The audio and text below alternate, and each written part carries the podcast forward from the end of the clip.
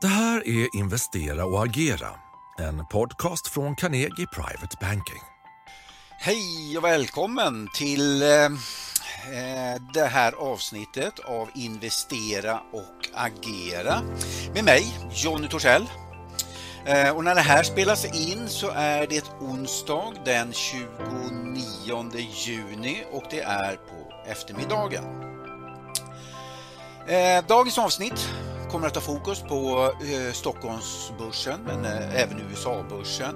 Kan även titta på lite grann några variabler som, eh, eh som övertygar mig till varför att vi oh, därför att vi har gått in då i en eh, recession på USA-börsen. Eh, och du som lyssnar här nu, det kan vara bra att känna till att jag videoinspelar det här avsnittet.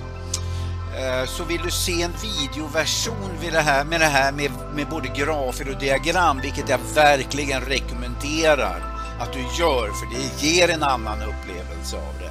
Eh, ger en annan tydlighet, ger en annan illustration av det då så att säga. Eh, så hittar du det på carnegie.se snedstreck teknisk analys. Och med det sagt så um, tycker jag att vi kör igång för det är ganska mycket att gå igenom idag tycker jag. Vi börjar med att titta på Stockholmsbörsen. Eh, och här ser vi ett, eh, ett dagsdiagram över Stockholmsbörsen. Eh, och det första vi kan konstatera det är att vi befinner oss i en fallande trend. Här borta befann vi oss i en fas 2, det vill säga en, en upptrendsfas. Eh, det vill säga här, fas 2. Eh, från coronabotten i mars eh, 20 000 fram till den här toppen här. Sen gick vi in i en sidlänges fas här. Eller mellan då någonstans sommaren 2021 och fram till toppen då i februari, det vill säga en fas 3 då, en toppfas och sen effektuerade index en säljsignal den 21 februari tror jag att det var och sen dess eh, har vi befunnit oss då i en fas 4, det vill säga en nedtrendsfas. Eh, och eh, det vill säga vi befinner oss just nu i en bear market. Vi har index tappat ungefär 20% från toppen till botten. Eh, vi har en sekvens med stegvis lägre toppar och bottnar. Eh, vi ser att medeltalen pekar neråt, 200 dagars medeltal pekar ner här. Vi ser den röda som är 50 dagars pekar ner, 20 dagars pekar ner som är, som är det blåa. Eh, så att eh, just nu så pekar alla medeltalen ner och så länge jag inte får någon förändring i det här mönstret med stegvis lägre toppar och bottnar på börsen då är det min utgångspunkt att börsen ska vidare ner. Sen har vi då ett antal stödnivåer. Eh, vi har eh, en viktig stödnivå nere på 1840 1860-området. Eh, Skulle det området punkteras så har vi neråt en 1700-området någonstans som är viktig stöd. Och, det, och vad vill jag se då för att eh, jag ska förändra den här negativa bilden? Jo, men det, det jag vill se det är att index passerar 50 dagars medeltal. Egentligen ända sedan det bröt ner under 50 dagars i, i, i januari så varenda upprekyl vi har haft har eh, toppat vid ungefär 50 dagars medeltal.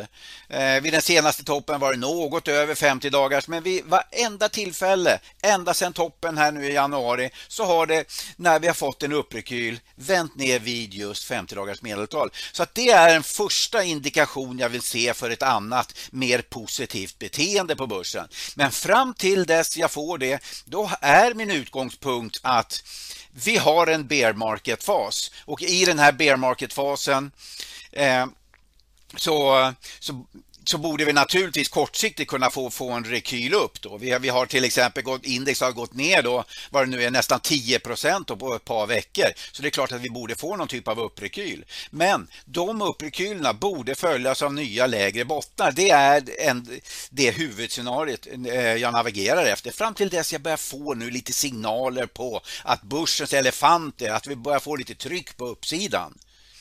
Att efterfrågan på aktier börjar öka igen i rätt sektorer, det vill säga i lite mera eh, riskbetonade sektorer. Så det är det jag tittar på just nu på Stockholmsbörsen. Då. Går vi sen över och tittar på S&P USA-börsen. Och USA-börsen är ju naturligtvis viktig att titta på. Då. Eh, vi kan ta bort den här eh, vågberäkningen så länge. Eh, så, eh, så kan jag konstatera att vi befinner oss i en, eh, i en fallande trend även här och vi har effektuerat en säljsignal ur en stor huvud, huvudskuldraformation. Eh, och den säljsignalen effektuerades här i maj. och vi har ett prisobjektiv för nedgång ner mot en 3500 3600 ish. Vi var ju nästan där nere här för någon, någon vecka sedan vid den senaste botten.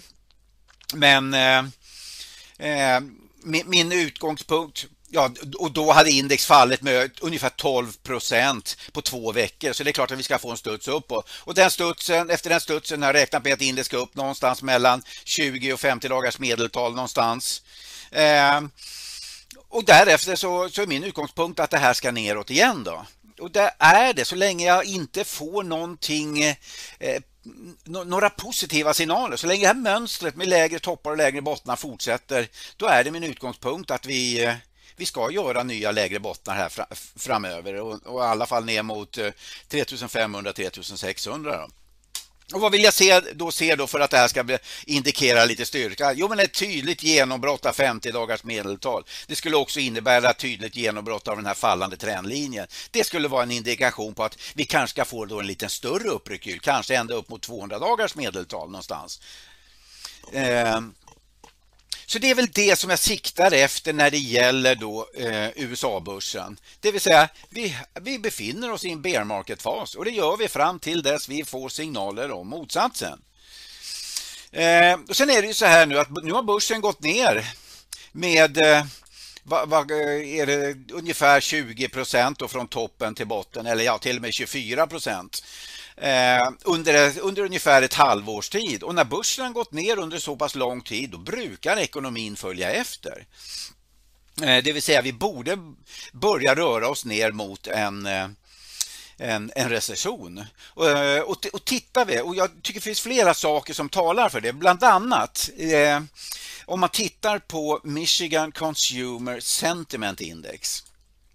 Det indexet eh, har noterat den lägsta nivån sedan mätningarna startade i slutet på 70-talet.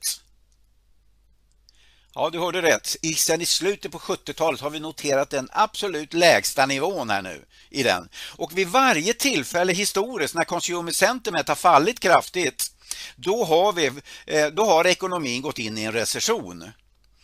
Eh, vid varje tillfälle historiskt eh, när vi har varit kraftiga nedgångar antingen då i i eh, Michigan eller i, om man tittar på 12, 12 eh, månaders rate of change.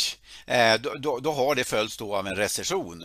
Eh, vi hade det då eh, 1982-83, en recession. Vi hade en nedgång i consumer sentiment då i eh, 1990, vilket följdes då av en recession.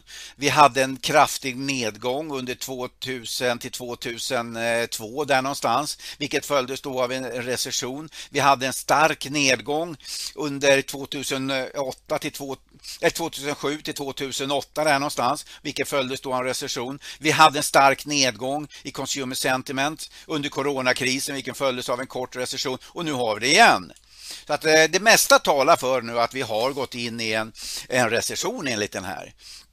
En annan variabel som jag tycker är intressant att titta på, man brukar ju prata om, vi ska se här, jag ska ta fram eh, eh ett eh, diagram också för er som tittar på filmen här.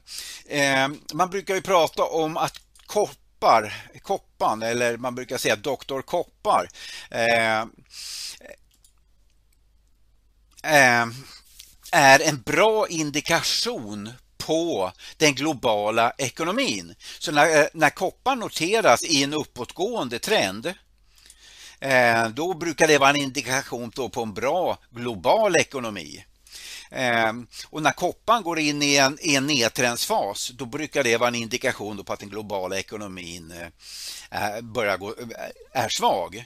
Ehm, om man tittar på kopparpriset så bottnar ju den med börserna eh, vid coronan i mars då 2020 och därefter så fick vi en stark uppåtgående trend egentligen fram till eh, våren, sommaren eh, förra året och därefter gick det sen in i en lång konsolidering. Vi fick en tendens till utbrott på uppsidan under den här konsolideringen. Det utbrottet var falskt och nu har kopparn brytit ut på nedsidan. Så det här ska ju bli väldigt intressant att se. Om kopparn bryter ut på nedsidan eh, då skulle det kunna vara en indikation på att den globala ekonomin är på väg in i en recession.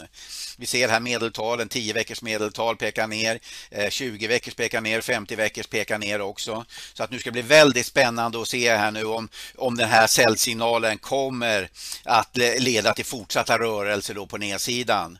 Eh, och gör det det, jag menar, då är det en stark indikation då på eh, att den globala ekonomin då har gått in i en recession då som sagt. Eh, tittar vi på lite längre diagram eh, över kopparpriset Eh, här så ser vi en, eh, ett månadsdiagram över kopparpriset. Eh, som vi ser här, ett månadsdiagram då från början på 80-talet eh, tillsammans då med de långa cyklerna.